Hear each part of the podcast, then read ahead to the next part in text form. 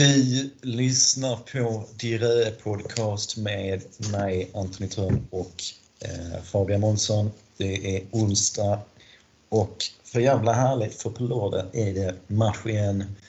Träningsmatch mot Varbergs Boys. Och det känns för jävla gött att säsongen snart är igång.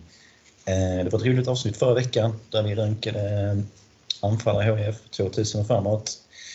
Eh, men nu är det ju som sagt ny säsong och just idag så tänkte vi att ja, men då, då går vi igenom A-truppen som den ser ut just nu, försöker eh, problematisera och se var HIF står egentligen truppmässigt. Eh, det är ju som sagt nya tag i HIF och det känns lite härligt faktiskt, om man får prata för egen del. Men hur känner du Fabian? Jo, det är, det är lite kul att det känns fräscht på något sätt. Att man inte riktigt vet vad, vad man eh, kan förvänta sig riktigt ännu. Så det, det ska bli jättekul. Yes, eh, som sagt, match på lördag och jag tänker att vi eh, går igenom eh, huvudtruppen lite lagdel för lagdel och försöker inventera lite var jag förstår någonstans. Vi börjar väl eh, som man brukar längst bak. Eh, just nu är det Nils Arvidsson och Kalle Joelsson som står på eh, truppsidan när man går in på HIFs hemsida. Och det är väl i princip den enda lagdelen som jag känner är någorlunda satt i sten. Det är Kalle Joelsson som kommer att stå den här säsongen också. Nils Arvidsson har jag känt länge nu i... Eh, vad fan. Jag ska inte säga att jag är besviken, men eh, man hade lite... Eh, kanske, han hade ju stora rubriker där 2021 där han hade ett par ikamper på nacken.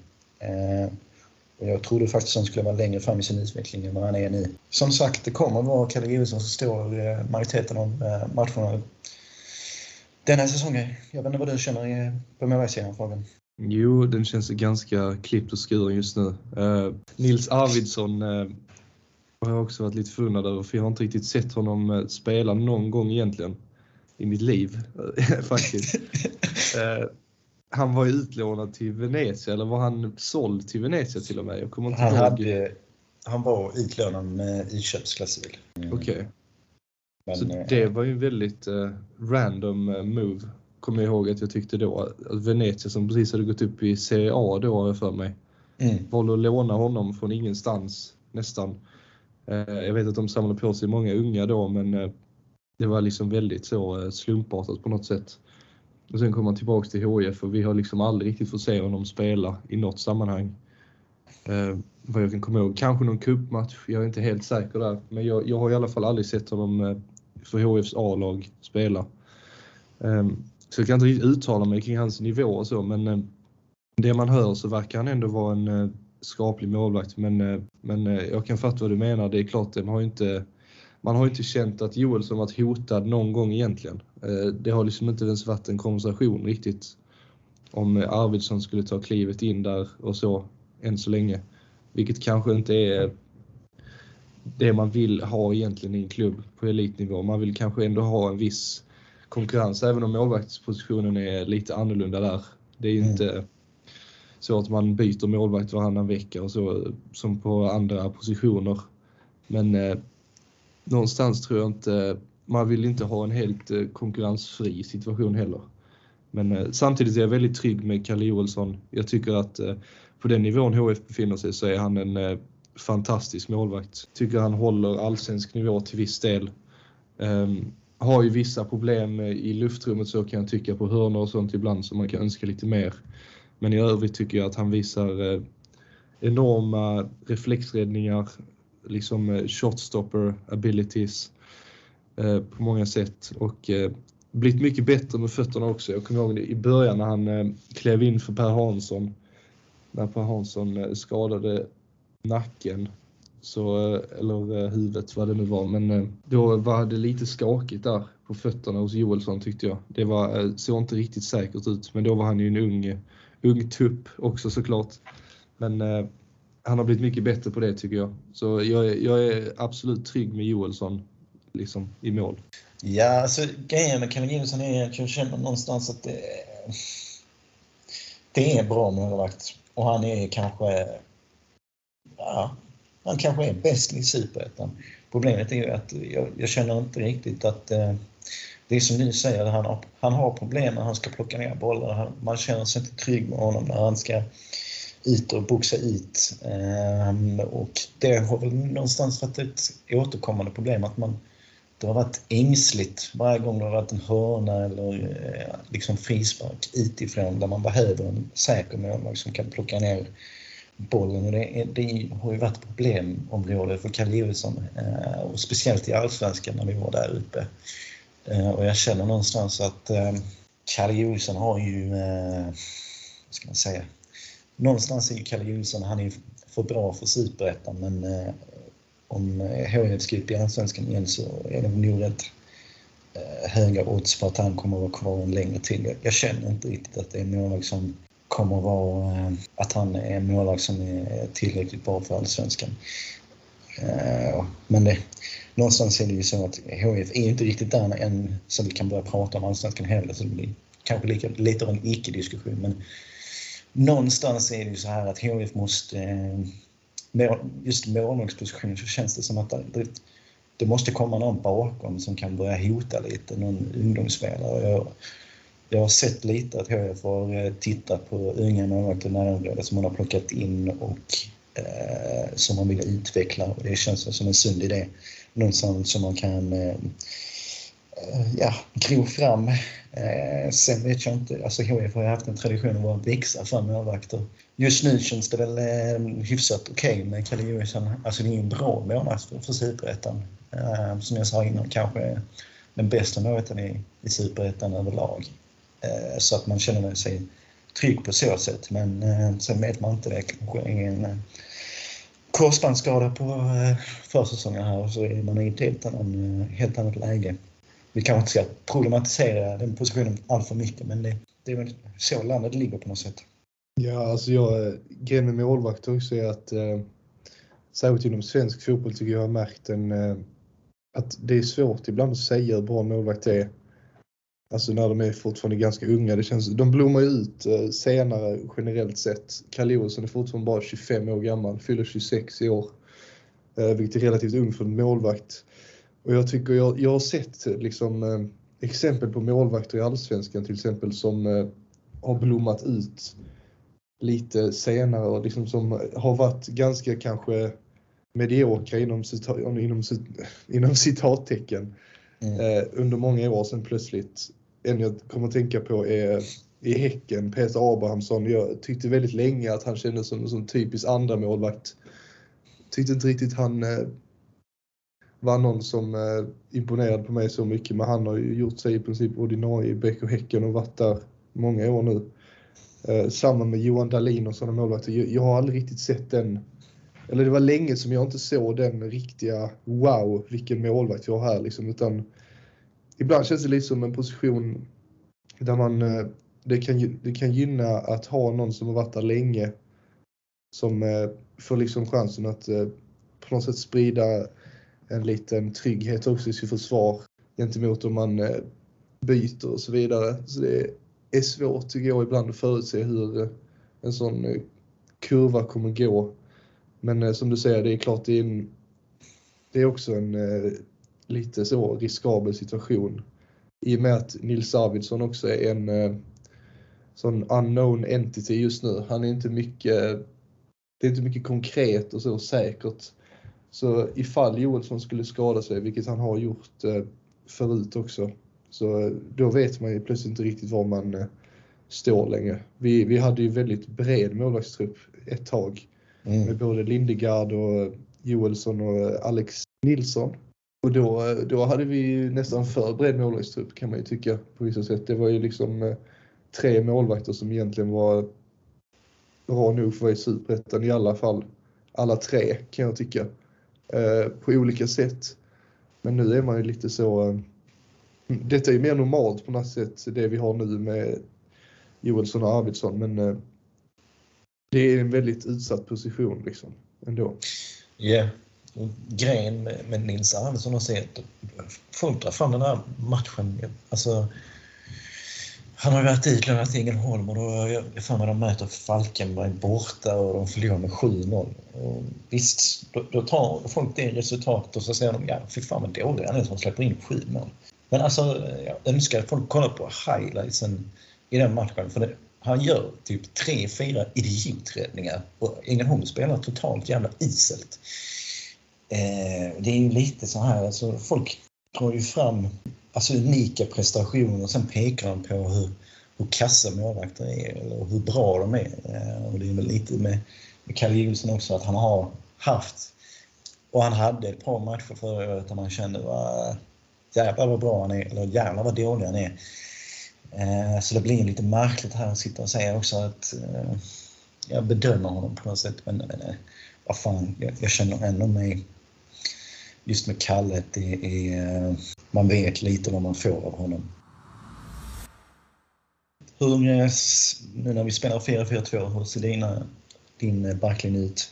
Är det uttalet att det är 4-4-2 eller hur, är, hur ser det ut? Liksom? Vad är, ja, är det? Alltså det, blir, det blir eh, 4-4-2 med olika, olika konstellationer. Uh, okay. Jag har förstått det. Okej. Okay. Um, ehm, ja, men uh, för min del då. Så eh, för det första, om man börjar på högerbackspositionen då.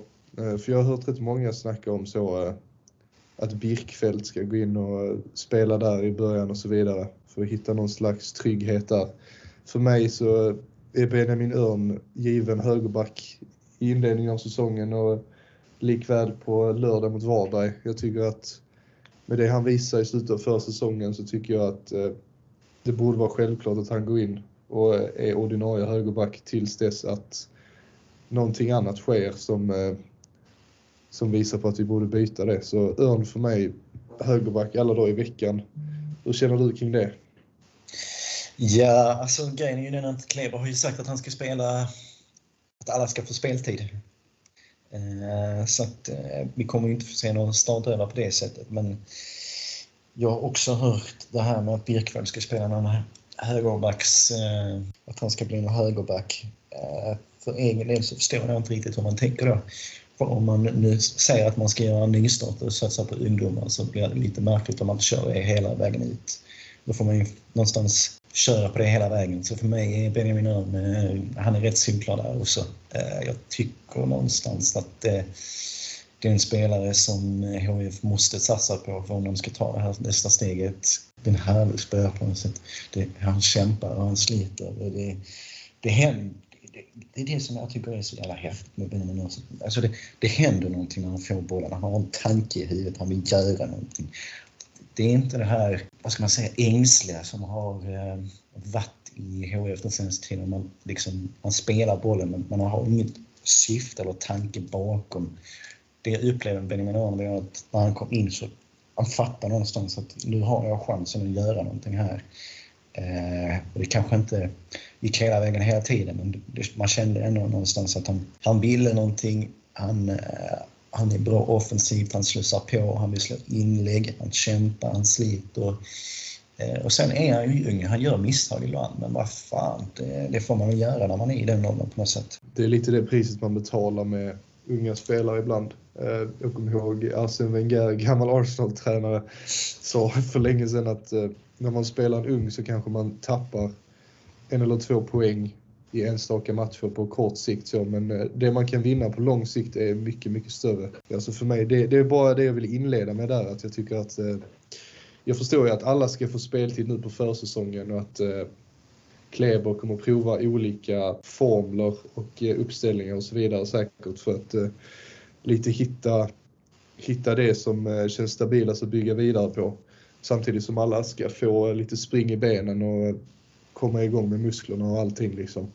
Men eh, fra, gå framåt så, så vill jag se Benjamin Örn där. Men eh, mittbacksplan blir lite eh, svårare sen tycker jag. För i nuläget så tycker jag att vi är rätt starka där plötsligt.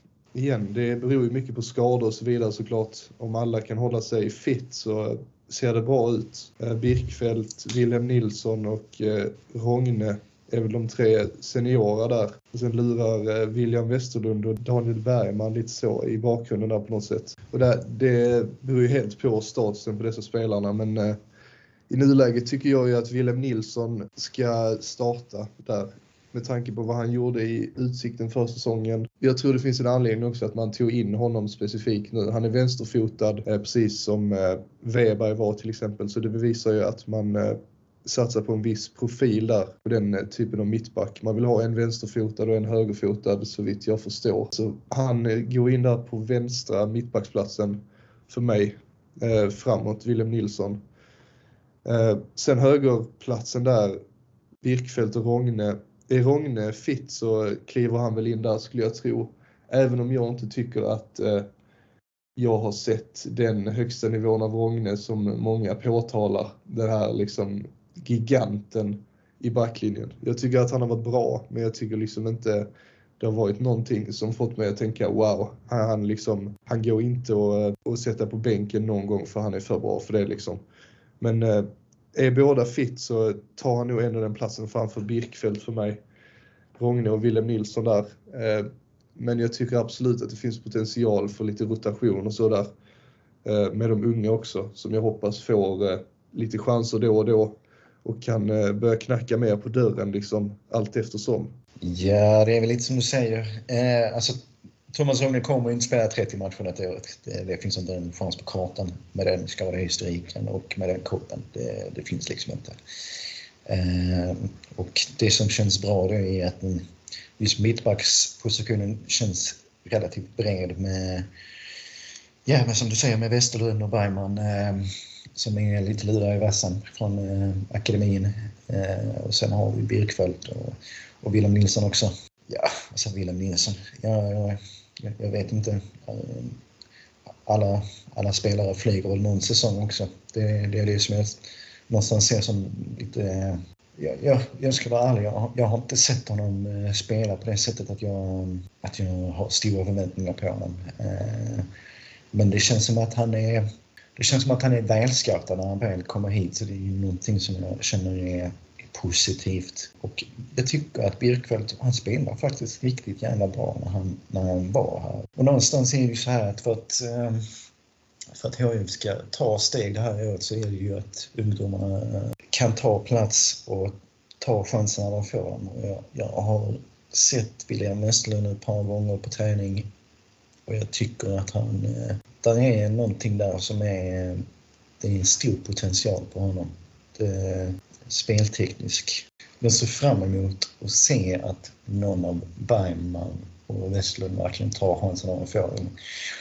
Daniel Bergman har jag inte sett i, en, i mittbacksroll än. Men jag vet om att när jag såg honom på U21-matcherna för något år sedan så när han var på mittfältet så är han ju extremt spelskicklig med fötterna och han hittar passningar och ytor på, på ett väldigt bra sätt.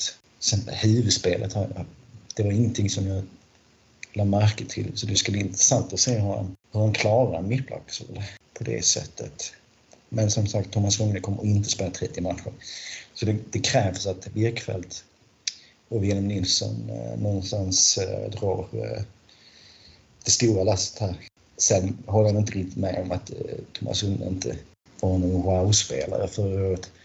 Jag tyckte ändå att han var kanske en av HIs absolut bästa spelare förra året. Jag tyckte han hade en auktoritet eh, och HF blev betydligt sämre när inte han var på planen. Han gav en trygghet i, i, på fasta situationer. Eh, och det, just med tanke på Kalle Jonssons eh, svaga, svaga spel i luftrummet så var han extremt viktig.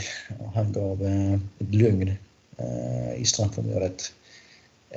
Jag tror lite att Jan Björkfeldt kan steppa in i den rollen på ett sätt också. Och det ska nog det krävs nog lite när man har eh, unga spelare med Simon Bengtsson och Benjamin Norr i, i den backlinjen. Så här är det ju nästan att eh, just backlinjen är ju, kommer ju vara eh, HIFs kanske mest spännande lagdel just med tanke på hur mycket ungt det är den, detta året. Och det är just den lagdelen som måste någonstans ta steg också för att HIF ska med just Simon Bengtsson och, och Benjamin Norr. Det är väl de två ungdomarna som man har störst förväntningar på. Ja, alltså Absolut, jag tycker att eh, där finns ju, när du, du var inne på det där med att det är, är många unga där och eh, det var någonting som fick mig att tänka lite att det kanske kan bli svårt då just för eh, en sån som Westerlund och Bergman att bryta sig in allt för tidigt i och med att eh, det redan är så pass ung backlinje och att eh, tränare tenderar att vilja ha i alla fall någon lite mer rutinerad och erfaren i en sån lagdel särskilt. Ehm, men jag, alltså någonstans är min förhoppning att, eh, att eh, de ska byta sig in, Westerlund och Bergman där också. Att eh, vi någonstans mitt i säsongen kanske plötsligt ser Westerlund och Willem Nilsson tillsammans med Örn och Simon Bengtsson i backlinje. Det är ju en väldigt ung backlinje.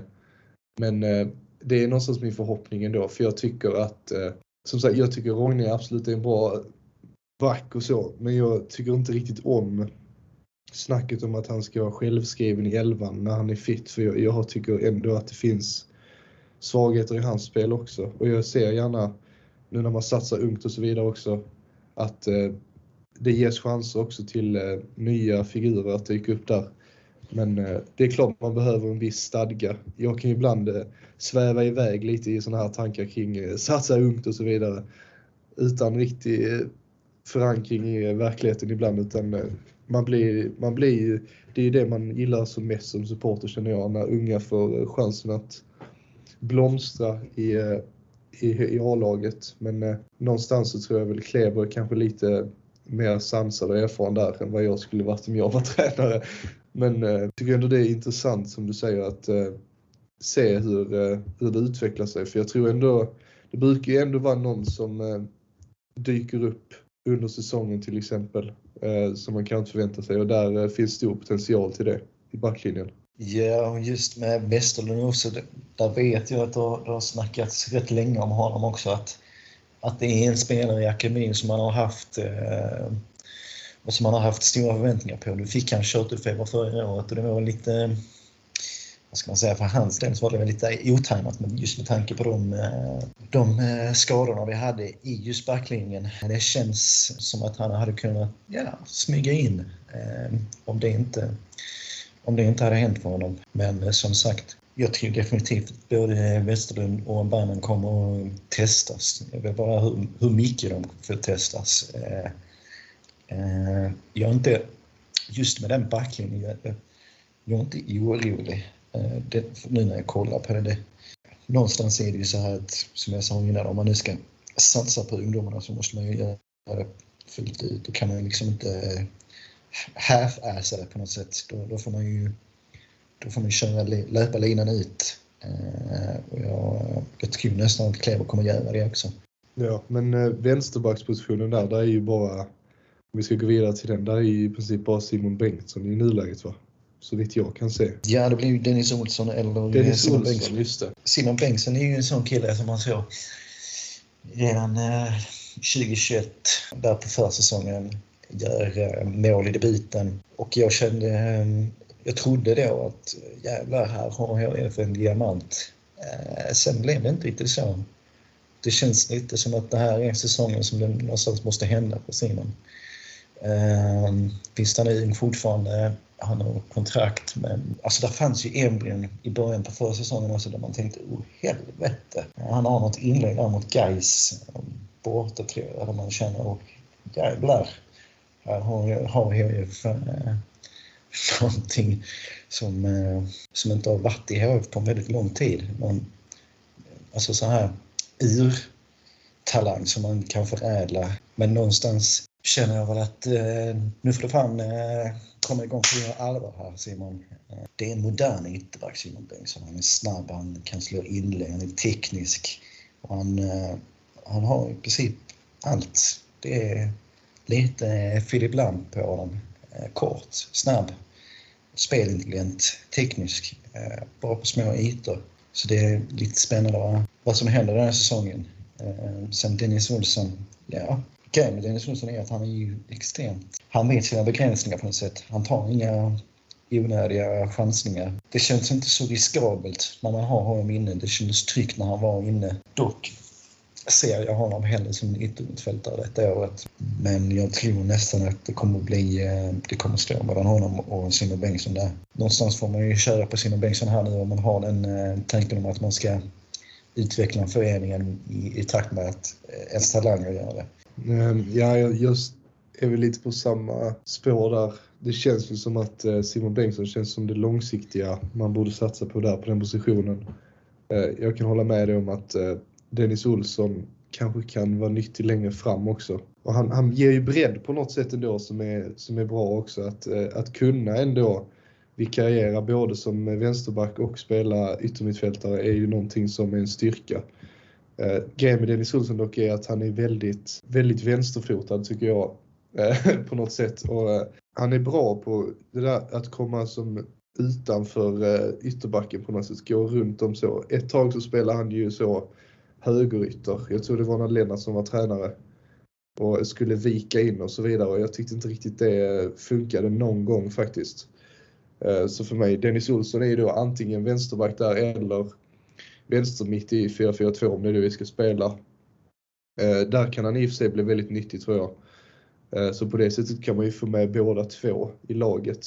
För jag ser honom mer som eh, typ Willem Löper fast på vänsterkanten. Att han eh, kan springa upp och ner där, slå mycket inlägg och så. Mer en framspelare än en eh, avslutare själv. Eller i så fall eh, alltså komma på det hållet liksom. Jag ser inte riktigt honom som den som viker in och så vidare.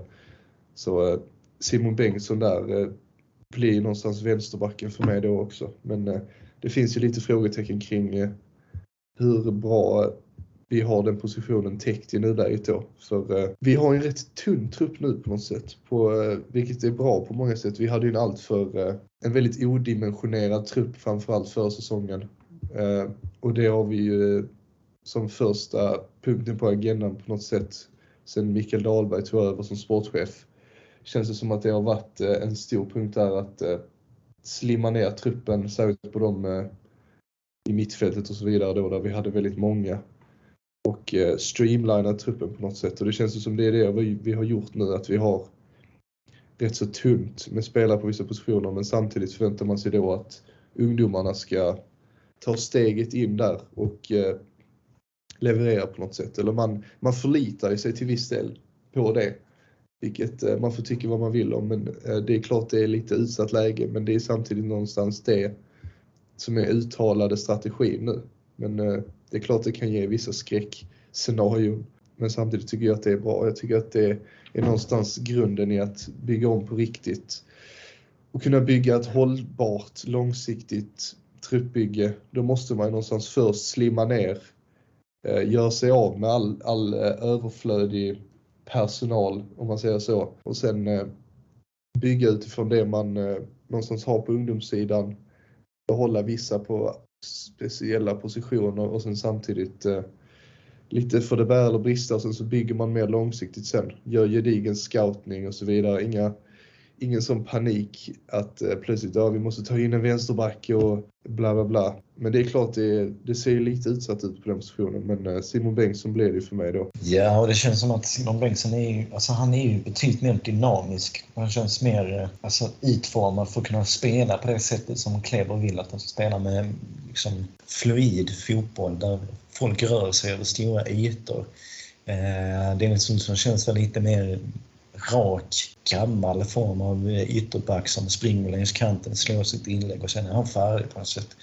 Simon Bengtsson, eh, det känns som att det händer mer någonting när han får bollen. Han, man kan forma honom på det sättet som HIF vill spela. Med, eh, man kan köra in honom in i banan, man kan låta honom löpa längs, längs linjen, eh, slå sitt inlägg och göra sin man. Eh, det är väl det som jag ser att det är där Simon Bengtsson har en stor fördel av Dennis Olsson, att han är lite mer stöpt i formen och för hur Kleber och så behöver spela sin fotboll. Lite där eh, Simon Bengtsson tar, eh, tar den platsen, i alla fall för mig, över Dennis Olsson. Ja, men då eh, har vi någonstans gått igenom försvaret mer eller mindre känns det nu som. Jag kom osökt, eller vi kom osökt in på Dennis Olsson också lite. Men eh, om vi då går vidare till mitten då Eh, och då i 4-4-2 så är det två kantspelare då va? och sen två inomhittfältare på något sätt. Nu blir det lite tuffare direkt. Eh, för nu, eh, nu har vi plötsligt fler att jobba med, det är fler kombinationer. Det var mycket snack om backlinjen och så men det är egentligen inte jättemycket man kan göra där i nuläget. Det är ju inte så många spelare. Men eh, på mittfältet har vi betydligt fler. Där är också lite mer osäkerhet kring eh, vilka som eh, kommer att bli kvar. Kommer det komma någon, något tillskott? Vi har ju Charlie Vindehall som tränar med HF, eller gjorde förra veckan. Jag vet inte om man har hört någonting om honom. Men eh, han var väl såväl högerback som eh, mittfältare. Men jag vill någonstans här på mittfältet eh, fortsätta temat och se mycket unga. Om man börjar på högerkanten så tar ju Wilhelm Löper den platsen. Det känns som den mest klockrena i min elva på något sätt. Jag har eh, gått lite fram och tillbaka med Löper under, eh, under hans år i klubben. Var väldigt nöjd när vi värvade honom, tyckte det var helt rätt typ av värvning.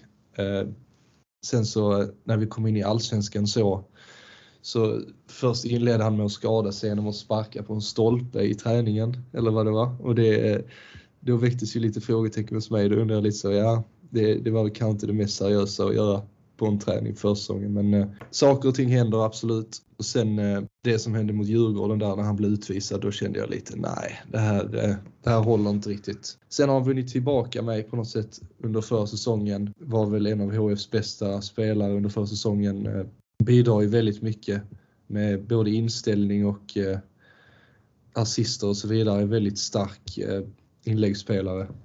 Vilket vi inte riktigt har fått eh, dra nytta av på några år nu sen eh, Vanden Hurk lämnade i princip. För vi har inte haft någon sån eh, presence i straffområdet direkt. Men eh, han tar ju ändå klivet där in på högerkanten löper för mig absolut. Han blir någonstans ikonförklarad när han valde att förlänga sitt kontrakt nu också. Det är ju ett väldigt eh, tydligt besked någonstans att han verkligen trivs i HIF och i Helsingborg och så vidare, vilket är kul att se det får en att uppskatta honom på ett helt annat sätt. Så det var jätteroligt. Så han tar ju klivet där in på högerkanten. Eh, jag antar att du eh, håller med om det, eller har du andra kandidater till höger mittpositionen? Nej, han känns väl rätt, eh, rätt solklar. Eh, jag kan inte riktigt se vem som skulle ta, ta hans plats annars. Eh, det känns väl lite som att eh, Benjamin Aqua hade kunnat Eh, kliva in där när han är väl är skadad. Men i övrigt så är han ju, eh, är han ju rätt solklar, tycker jag. I övrigt så är ju mittfältet det är ju HIFs klart svagaste lag, skulle jag vilja säga. Där är så många frågetecken. Eh, det är ingen direkt som, förutom Willem Löper, som jag känner, och jävlar, fan vad sexigt.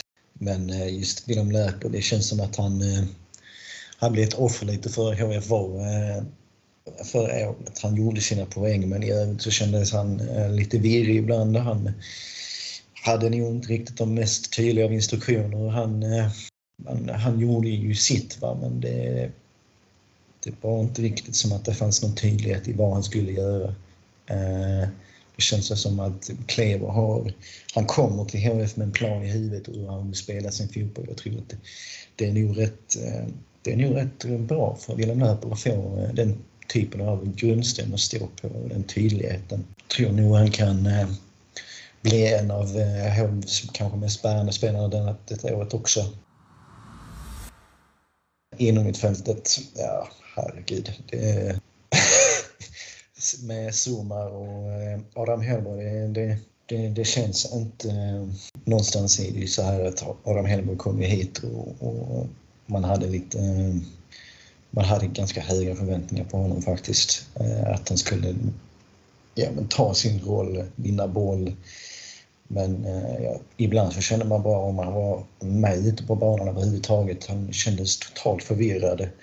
Visst, han har ju, hade ju ett par matcher där man faktiskt var helt okej, okay, men, men någonstans är det ju så här att Adam Hellborg, om han ska um, fortsätta uh, i sin karriär på en högre nivå så måste han uh, någonstans leverera detta året. Uh, för jag känner väl någonstans att både med Summer och, och Adam Hedenborg, att det är just inom mittfältet där är det eh, rejält svagt i HIF. Eh, så jag hoppas någonstans att Lukas Källnäs och Arvin Gigovic kan kliva in och konkurrera ut någon av dem. Eh, Zuma eh, ja, det känns inte alls stabilt överhuvudtaget. In och ut i, i startelvan, skadeproblematik. Och även Gigovic, det, ja, det är lite som med Simon Bengtsson där. Hade jag varit eh, mycket snack om honom under lång tid. Eh, det känns lite som att det här eh, det här är året som det ska hända om det ska hända någonting. Jag tycker att det finns någonting i Gigovic som är värt någonting. Det, där, där ligger någonting och, och brygger på något sätt. Men då får det fan hända någonting detta året. Där är en teknik eh, som, eh, som är bra. Eh, dock känner jag att han tappar lite i eh, spelintelligensen ibland. Lite eh, virrig. Han är inte som sin bror där. Hans bror visste någonstans sina begränsningar och hur mycket tid han hade på sig. Det har inte Armin på samma sätt. Så jag har väl lite högre förhoppning om att Kjell ska konkurrera ut eh, och Adam mer än vad Arvin har det. Jag tycker Lukas, han är spännande. Han kämpar och sliter, han går in i dueller. Det händer någonting, han vill någonting. Så det är väl lite där jag är. Mittfältet har ju varit lite eh, av en komedi de senaste åren tyvärr. Just nu så ser jag inte riktigt någon självklar kombination så. Eh, jag kan ju tycka att både Sumar och Adam Hellborg bör säljas om det går. Alltså, jag var inne på det i något tidigare avsnitt också. Att jag tycker att det känns som att... Eh, Tiden fan som Hellborg, Ja, det är en bra fråga. Eller, alltså, på något sätt eh, gör sig av med dem. Eh, jag, alltså det, de är rutinerade på något sätt men eh, som Hellborg tycker jag att eh, var felscoutad och det grövsta på något sätt när han värvades in. Och eh, jag ser inte riktigt vad han ska bidra med i den fotbollen jag tror att vi kommer eh, försöka efterlikna med Kleber som tränare. Eh, och Zumar har ju varit lite av en eh, permanent fixture hos sjukstuga, i sjukstugan tyvärr. Eh, det är ju sorgligt och det är oerhört olyckligt på något sätt det blir ju så konstigt när man tänker efter hur vi värvar honom från Boys. Vi gjorde en stor grej om att han kom hem och så. Vi gjorde någon stor video om det och Granen var lyrisk och så vidare. Han var från närområdet, han kunde eh, området och så vidare och sen så fick vi inte se honom alls den säsongen. Och sen eh, har det liksom gått fram och tillbaka. Jag tycker han har haft ett par bra matcher ändå. Alltså för säsongen tyckte jag att han såg rätt rapp ut emellanåt på något sätt. Det var inte många matcher, men det var någon match där, där han såg rapp ut. Eh, så alltså, jag vet inte om det är kontroversiellt, men jag, jag tycker faktiskt jag har sett mer från Zumar än jag har från Hellborg. Eh, det är kanske inte många som håller med om det, jag vet inte. Men eh, just Hellborg tycker jag var så felscoutad bara så att det, hälften kunde vara nog. Men eh, så ambitionen för mig är någonstans att de två inte är i mittfältet.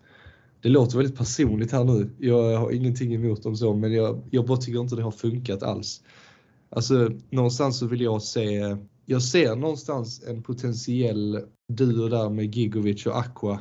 Gigovic är väl lite aningen djupare på planen än vad Armin, brorsan, är. Eh, så för mig så om Gigovic där kan ta det klivet att eh, och på något sätt blir den lite mer disciplinerade av eh, mittfältsduon där. Hålla lite mer tätt bakåt på något sätt. Så tror jag att det finns potential där med att han och Aqua, alternativt Källnäs, då kompletterar varandra. Att Källnäs och Aqua skulle kunna vara två mittfältare som eh, kan bidra lite mer offensivt. Aqua har ju stora frågetecken över sig också. Har ju inte riktigt eh, utvecklats sen vi värvade honom. Jag tyckte han var väldigt bra när vi hade honom på lån. Sen så blev den övergången permanent. HF åkte ur och så vidare och eh, det har inte riktigt blivit den eh, utväxlingen man trodde. Han var ju tippad till att bli nästa storförsäljning av Granen där ett tag. Jag tycker ändå han har kvaliteter som ingen annan i HF har i och med att han kan dribbla av eh, spelare, han är väldigt trygg med bollen, tar väldigt mycket risker. Ibland lite för stora risker, vilket har visat sig aningen kostsamt emellanåt. Men jag tycker ändå en sån egenskap är väldigt viktig för eh, det visar på självförtroende och ingenting kommer att hända offensivt om man inte tar risker.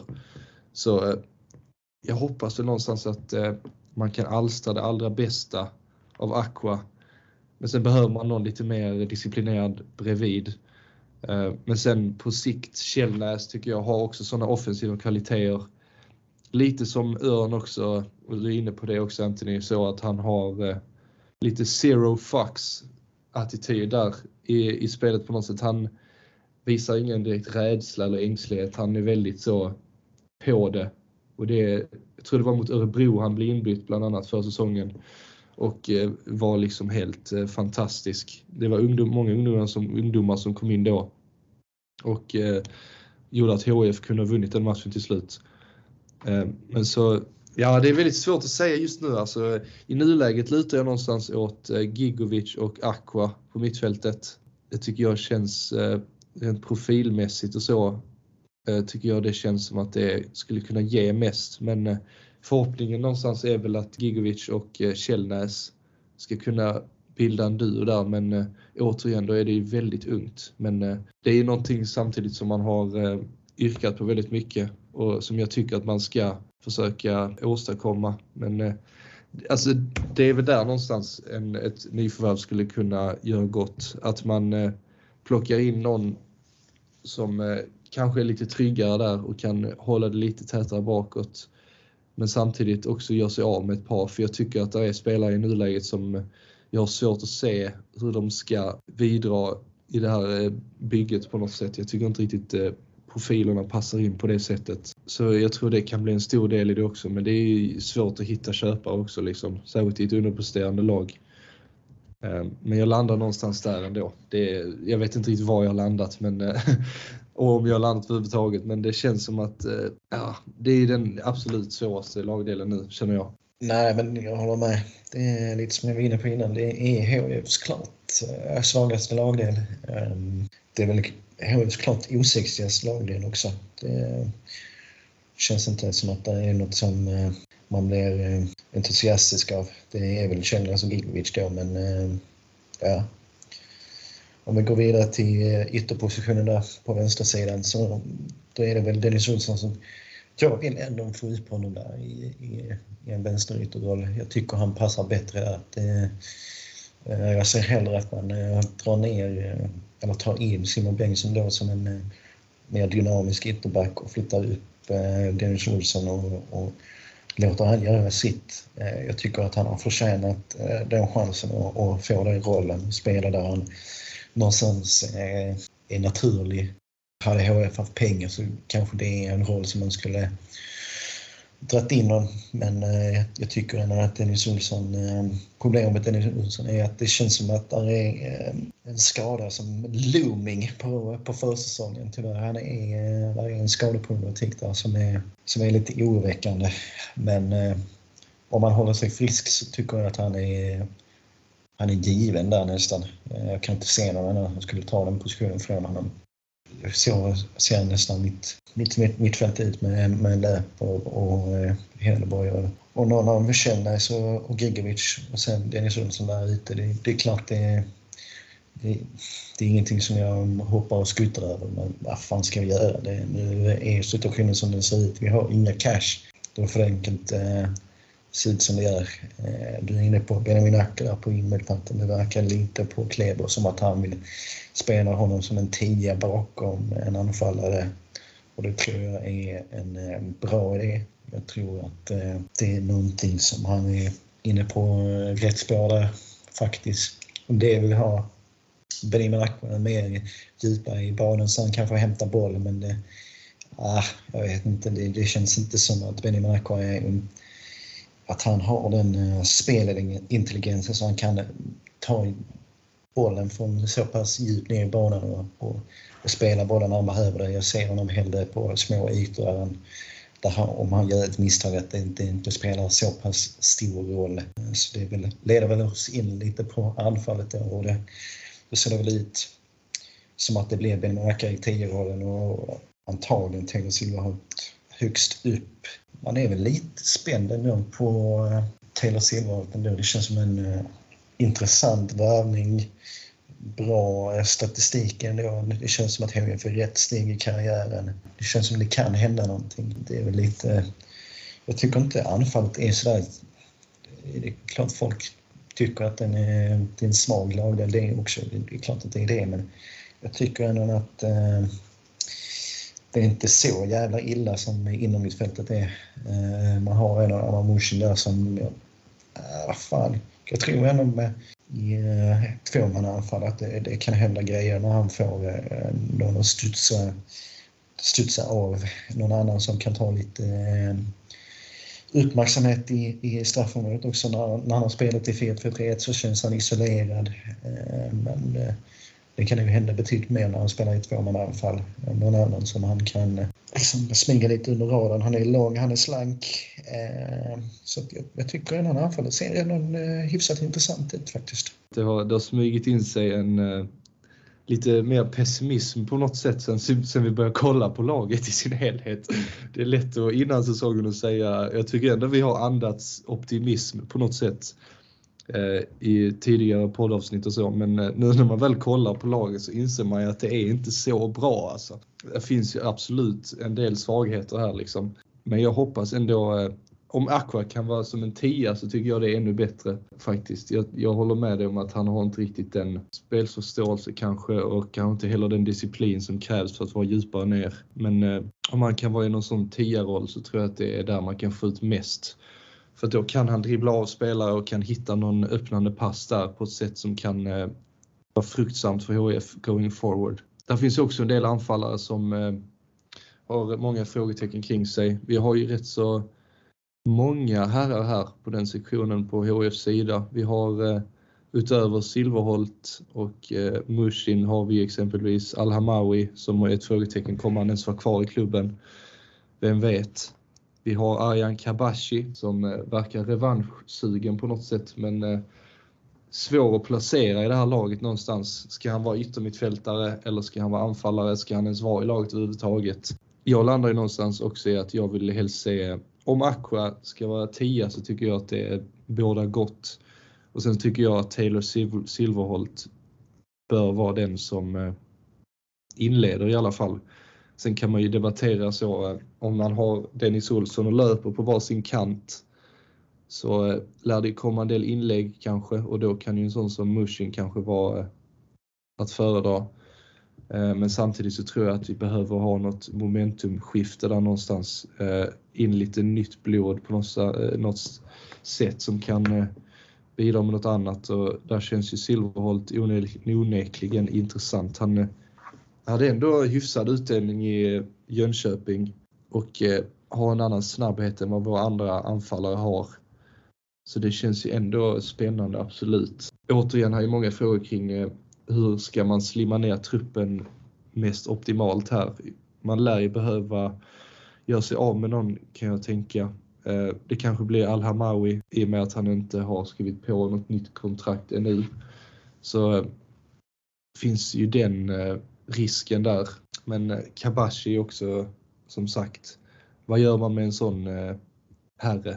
Ja, alltså just Kabashi, det är ehm, ja, han är en dark horse i detta gänget. Det, det känns som man... Eh, det känns lite som att han har smugit under radarn ehm, här nu ett par månader. Man, man vet inte riktigt ehm, var man har honom, om man, om man ska spela anfall och om man ska spela ytter. Det, det känns ändå som att där är någonting eh, som man kan få ut av honom. Där är en alltså, avslutare där som jag han har inte riktigt fått ut av honom. Och jag tror väl att han blir lite av en eh, breddspelare i detta laget. Om det blir skador och så vidare. Men det, det, det känns ändå en, eh, det känns ändå positivt på något sätt. Och sen har vi ju Adrian Svahbäck också som också ska liksom få sin chans känns det som. Men Benjamin Akko Eh, som en tioåring som eh, vi har varit inne på. Det, det känns ändå spännande. Det, eh, grejen med Benjamin Akko är att jag det är få spelare i HIF som jag har sett har blivit så påverkade av sitt självförtroende som honom. När han väl hamnar i ett stim så, så är det precis, ja, då är han eh, hur bra som helst. Sen är, eh, har han de här liksom perioderna med svagt spel och passningar som han tar sig för pannan av. Men eh, ja, jag, jag känner fortfarande att det just anfallsmässigt så är, det känns inte så jävla illa ändå. Det finns, eh, det finns potential i det här gänget och det, känns som att forwardsidan är ändå rätt, bortsett från Amina Romagnoli så är det ändå rätt satt. Eh, jag tror även om, oavsett om Alamavi stannar eller om han sticker så känns man ändå rätt sätt på något sätt. Eh, det behöver inte vara liksom Tjernobyl-status där framme. Det, det, det känns som, som det, det, kan bli bra detta. Ja, det som är lite intressant med anfallarna tycker jag också är att eh, det är ju ett gäng olika profiler på något sätt, vilket eh, är kul. Vi har ju Silverholt som eh, ska vara rapp och snabb som jag har förstått det. Vi har Musin som är lång och slank och har ju visat för att han är bra på huvudet, så lite mer target och så vidare.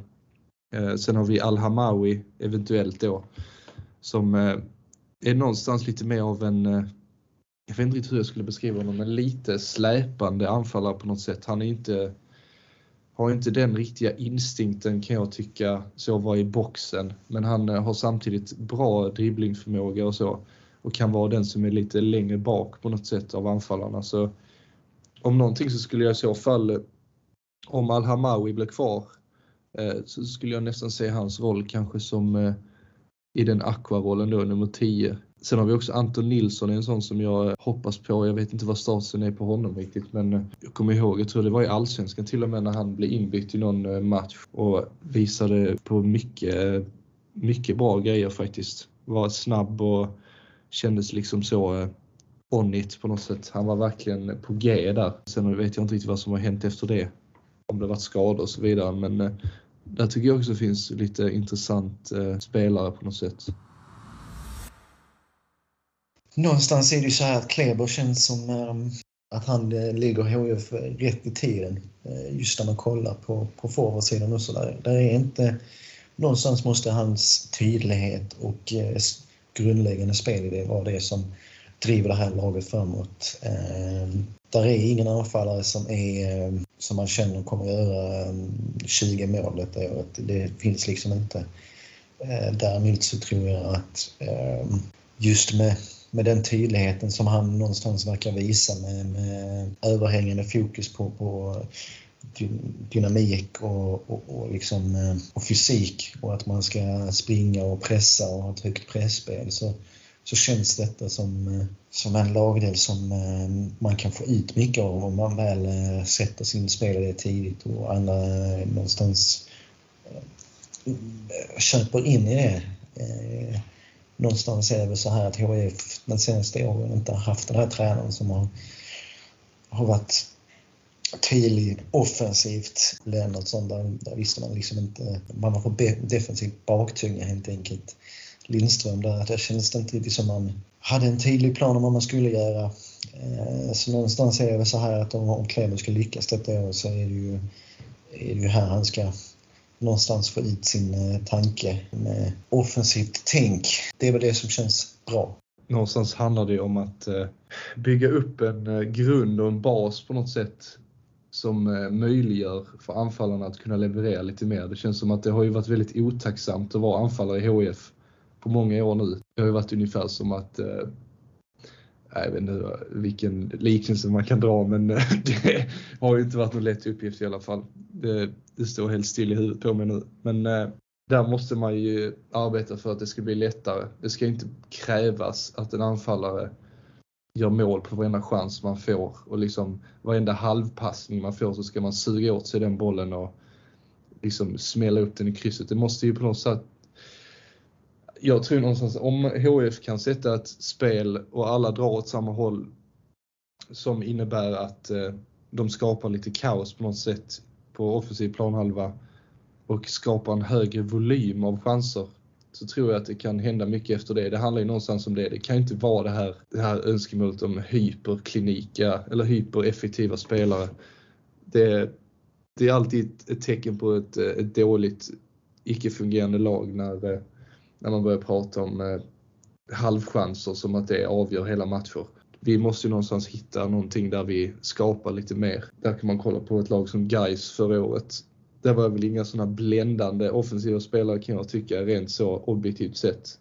Framförallt inför säsongen men eh, de spelade ju på ett sätt som var framåtlutat och eh, skapade väldigt mycket. Och eh, den här eh, obrytliga eller den här liksom tveklösa tanken och tron på det spelet man eh, har. Att man liksom fortsätter oavsett. Det såg vi liksom så i många matcher när guys eh, ledde med 3-0 men fortsatte att liksom pressa på på ett sätt som eh, jag inte så många andra lag göra.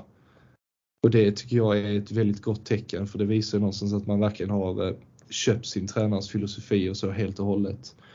Eh, kommer de slog Guys eller Guys slog Gävle med 6-0 borta någonting. Gävle fick en utvisad men eh, det visar någonstans på det här relentless som jag vill att man eh, försöker hitta i HIF också. Så vi måste ju någonstans eh, bygga upp en grund men eh, det kan ju bli svårt i och med vi, vi ojade oss eh, om mittfältet som eh, inte är det absolut starkaste. Så att potentialen för att det ska bli det här stabila som eh, leder fram till anfallet, det vet jag inte riktigt om vi har. Så då måste ju Kleber experimentera, ta sig in i labbet och prova med lite olika formler och lösningar där och uppsättningar och eh, det gäller att vara, eh, bli riktigt kreativ här. Samtidigt som det vilar mycket på att saker och ting slår rätt liksom. Att ungdomar tar steg kanske någon lite oväntad som eh, tar eh, och gör stora framsteg också. Jag var lite inne på att jag hade nästan gett upp på vissa spelare i HIF på så sätt men eh, någonstans måste vi kräma ur allt vad vi kan och det ska bli väldigt intressant. Jag är ypperligt intresserad av lördagens match mot Varberg. Det ska bli väldigt, väldigt intressant att se om man kan urskilja några mönster redan nu kanske. Det hade varit otroligt roligt i så fall. Det kan ju ändras oerhört snabbt med nya tränare i, inom fotboll så. Det har man ju sett. Eh, jag tror inte det kommer göra det med HF för att HF har liksom sjunkit in i någon bubbla så långt att det kommer krävas mycket för att grävas fram igen. Men eh, man kan ju alltid hoppas och jag hoppas att man i alla fall ser någonting som man kan eh, hålla fast vid och tänka ja nu, nu gasar vi liksom.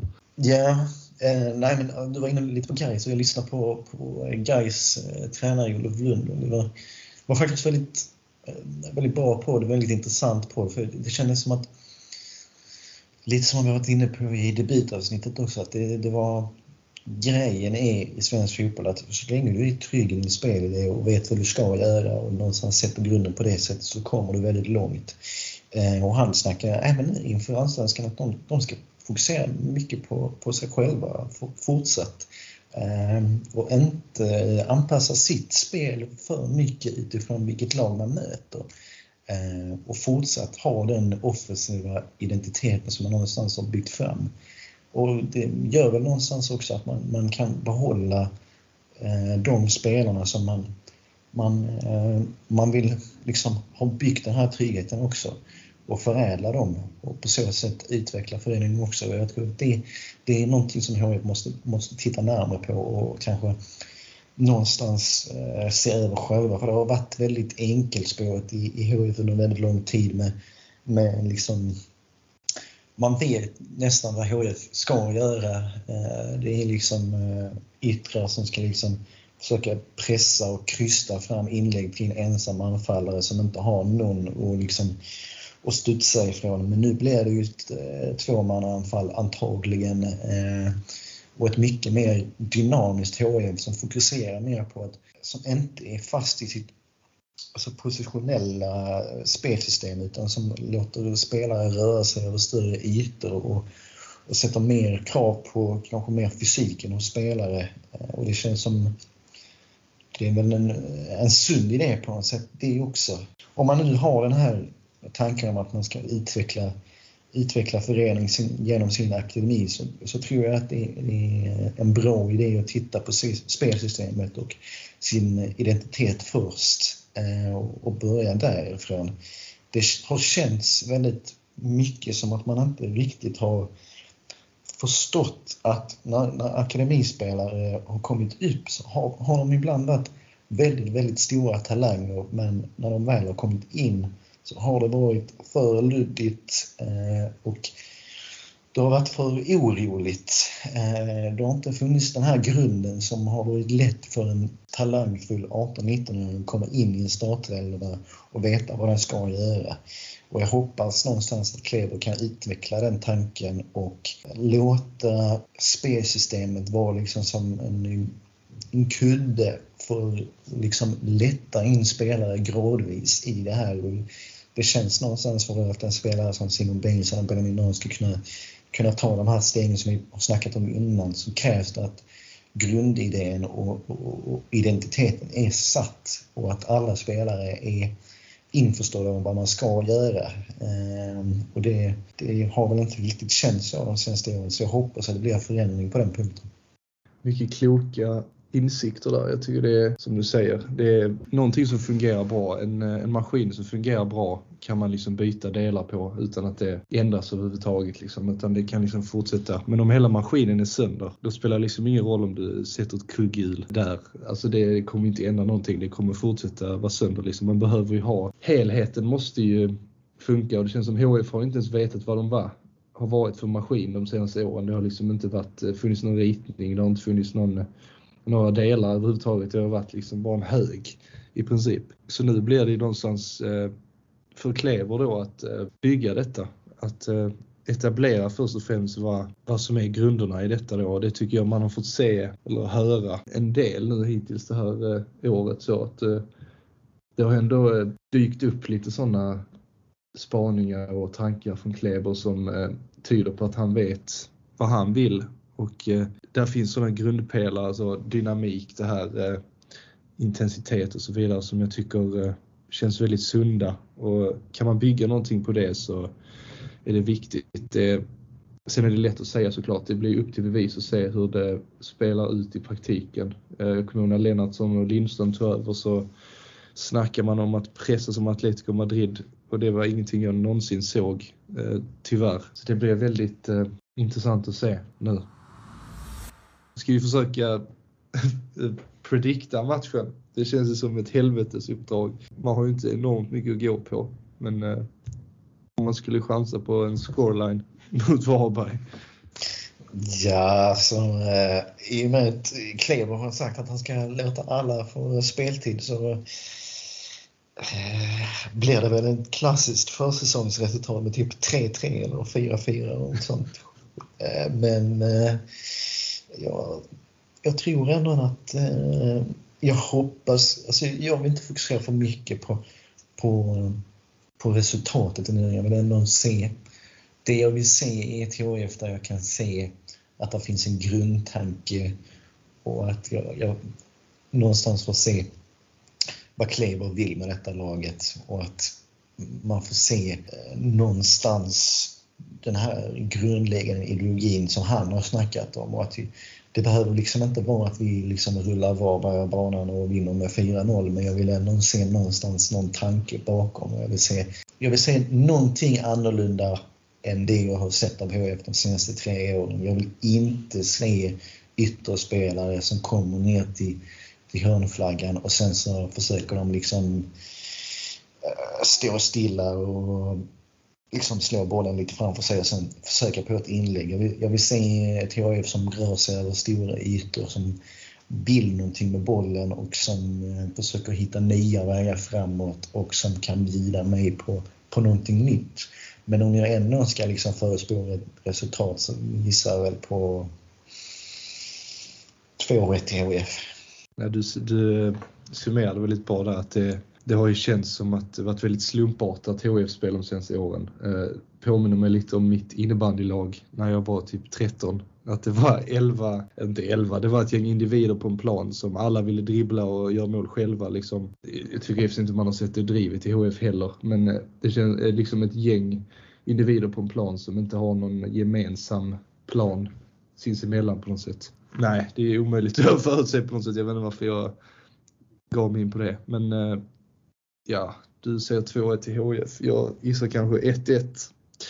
Jag tror det blir lite så avslaget. Man förväntar sig alltid mycket i början, eller jag vet inte, men eh, det brukar inte eh, bli fyrverkerier heller någonstans så tidigt. Det är liksom januari fortfarande och liksom alla är rätt sömniga fortfarande på något sätt. Men eh, som sagt, det är inte resultatet som är viktigt alls. Det, det är att man vill se lite mönster samtidigt som man inte det finns ju en grad av det såklart. Förlorar de med 5-0, ja då undrar man kanske lite så, hmm, vad, vad har ni gjort egentligen nu de första veckorna? Men eh, ja, det är bara att vänta och se. Yes, men eh, detta var det tredje avsnittet av Dirö Podcast. Eh, jag hoppas ni tyckte om det. Vi har försökt att stappla oss igenom HIFs trupp här, lagdel för lagdel. Försökt eh, analysera lite om vad vi tror och tänker om, om truppen och sen så vet vi om att eh, tre månader så kommer den truppen se betydligt annorlunda ut. Eh, och vi kommer väl antagligen ha en tanke om hur en startelva i, eh, i Superettan också kommer att se ut. Men eh, nästa vecka så hoppas vi på att vi har en vinst i bagaget på försäsongen. Lite större knowledge om vad Kleber Sampa vill med detta laget. Eh, men eh, som sagt, det var det tredje avsnittet av Diarré Podcast. Hoppas ni tyckte om det och på återseende.